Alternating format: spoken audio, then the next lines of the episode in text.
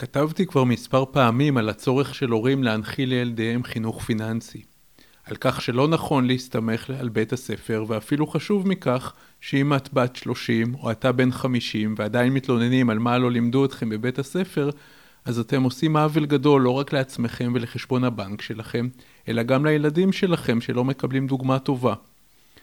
בפרק הנוכחי אני אתאר את הסצנה המשפחתית, ממנה אני חושב שתוכלו להפיק תועלת ולא רק כלכלית.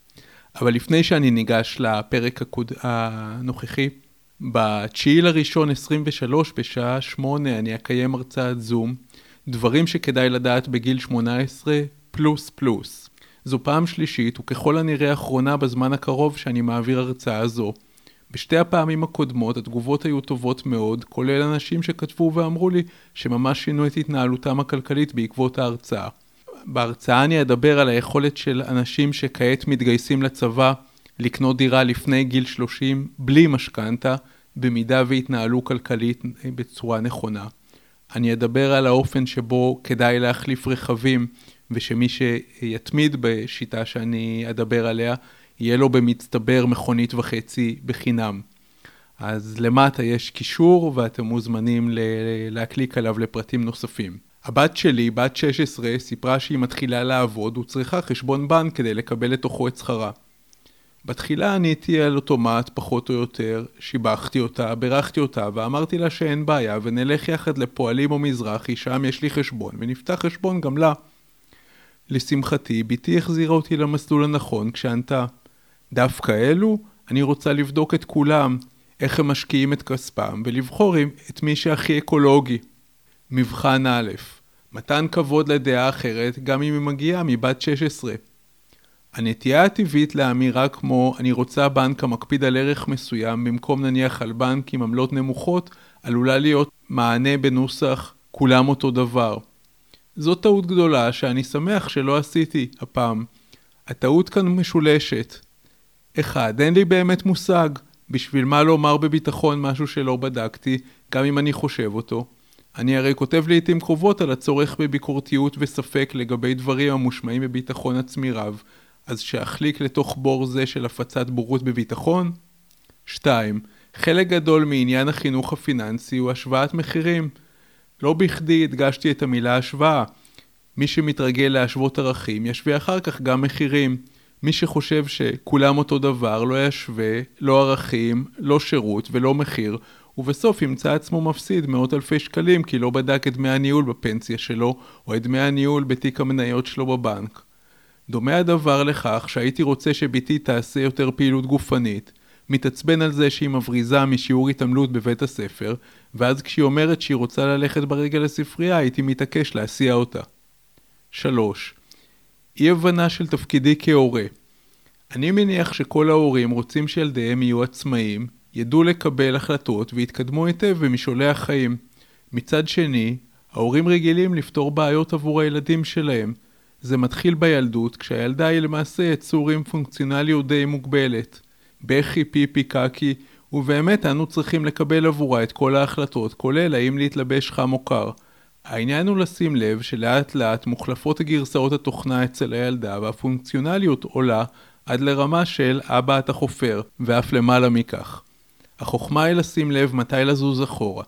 אני זוכר שהבנות היו בגיל בית ספר יסודי ויצאנו לנופש עם כמה משפחות ביחד.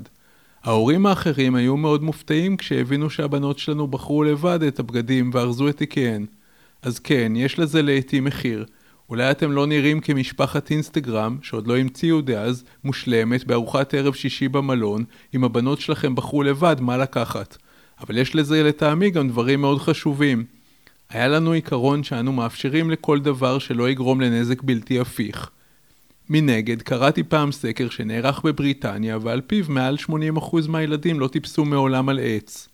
מבין את ההורים הבריטים. מניסיון, ילד עם גבס זה באסה. אבל זו באסה שנשארת נניח חודשיים. ילד ואחר כך מבוגר שלא מוכן לקחת סיכונים, לא מאתגר עצמו בדברים חדשים וחושש מהעולם, הוא דבר שעלול לפגוע בתוצאות משך 80 שנה.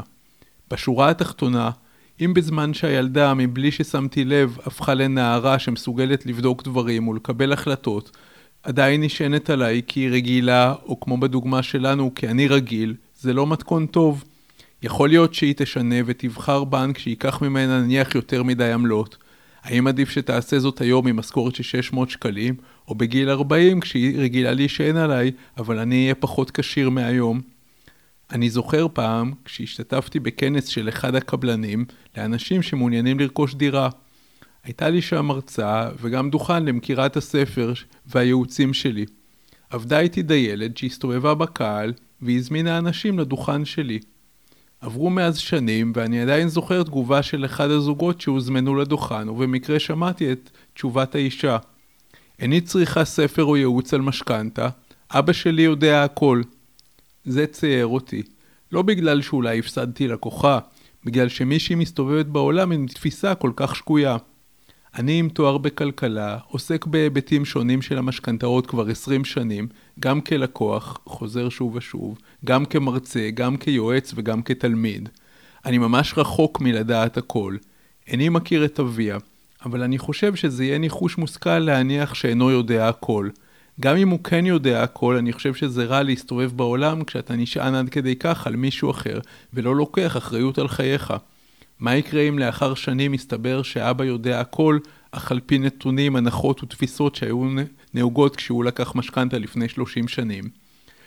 לדעתי, אני אמור לעבור לאט לאט ממחליט כפי שהייתי מול תינוקת, לתפקיד היועץ בגיל ההתבגרות, ומאוחר יותר ליועץ רק במידה והתבקשתי לתת עצה בבגרות. בשביל הפעמים שאני שוכח יש לי את אשתי שתזכיר. מבחן ב' ריסון האגו כשהייתי בן 14 אבא שלי היה כל כך בור שלא יכולתי לעמוד לידו. כשהייתי בן 21 לא, לא האמנתי איך הוא למד כל כך הרבה בשבע שנים. מר טוויין המשכנו לשוחח וביקשתי מבתי שתעשה את כל הבדיקות, אבל שתכניס לשיקולים גם את המחירים וגם את העובדה שאם בסופו של דבר תבחר או במזרחי או בפועלים, אוכל לסייע בהתנהלות מול הסניף. תשובתה הייתה, אבא, זה שאתה מבין במשכנתאות לא אומר שאתה מבין בכל דבר שקשור לבנק. התגובה הטבעית לאמירה הזו היא כמובן לציין שאני לא רק מבין במשכנתאות, אלא גם כלכלן, גם הייתי בנקאי עשור, ועוד כל מיני דברים שגורמים לאחרים לשלם על דעותיי לא מעט כסף, ואילו היא יכולה לקבל דעתי בחינם. זו שטות. היא הרי יודעת את כל זה. כל מה שהיא רצתה ככל הנראה זה לסמן גבול. אני רוצה להיות עצמאית. מעולה? הרי גם אני רוצה שהיא תהיה עצמאית. במקום זה אמרתי לה את האמת.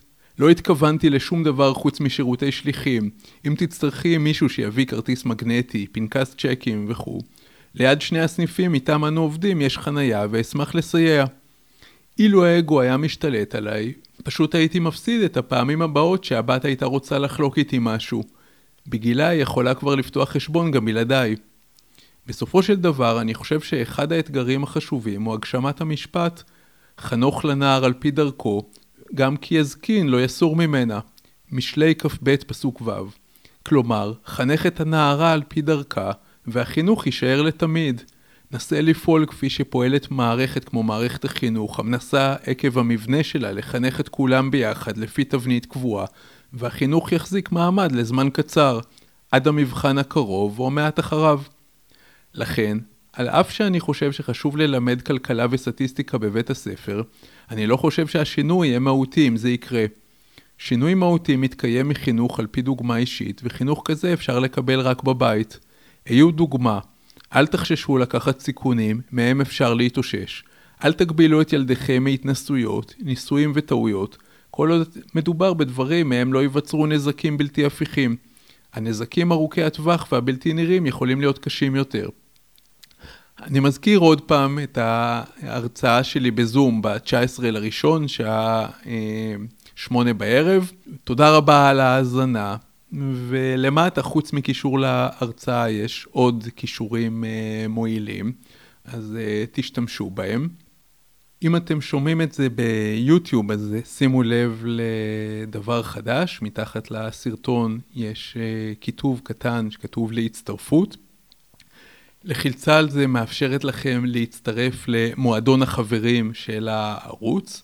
השתתפות במועדון היא בתשלום, מ-6.9 שקלים, כסוג של אה, אמירת תודה, ובתשלום של 19.90 אה, שקלים, אתם כבר יכולים גם להיחשף לסרטונים שלא נמצאים בערוץ הפומבי, הרצאות מלאות מסוגים שונים, וקורסים שהעברתי בעבר ודברים מהסוג הזה. אז uh, המון אנשים המון פעמים אומרים לי תודה ומבקשים כל מיני דברים וזה, אז זו הזדמנות שלכם להיות יותר קרובים לצלחת, גם להציע לי נושאים לפרקים חדשים וכל דבר אחר. אז תודה רבה למי שהצטרף, המחיר הראשוני זה קצת פחות מאספרסו. ו... זה מרגש מאוד לראות שחלק כבר אה, עשו את זה.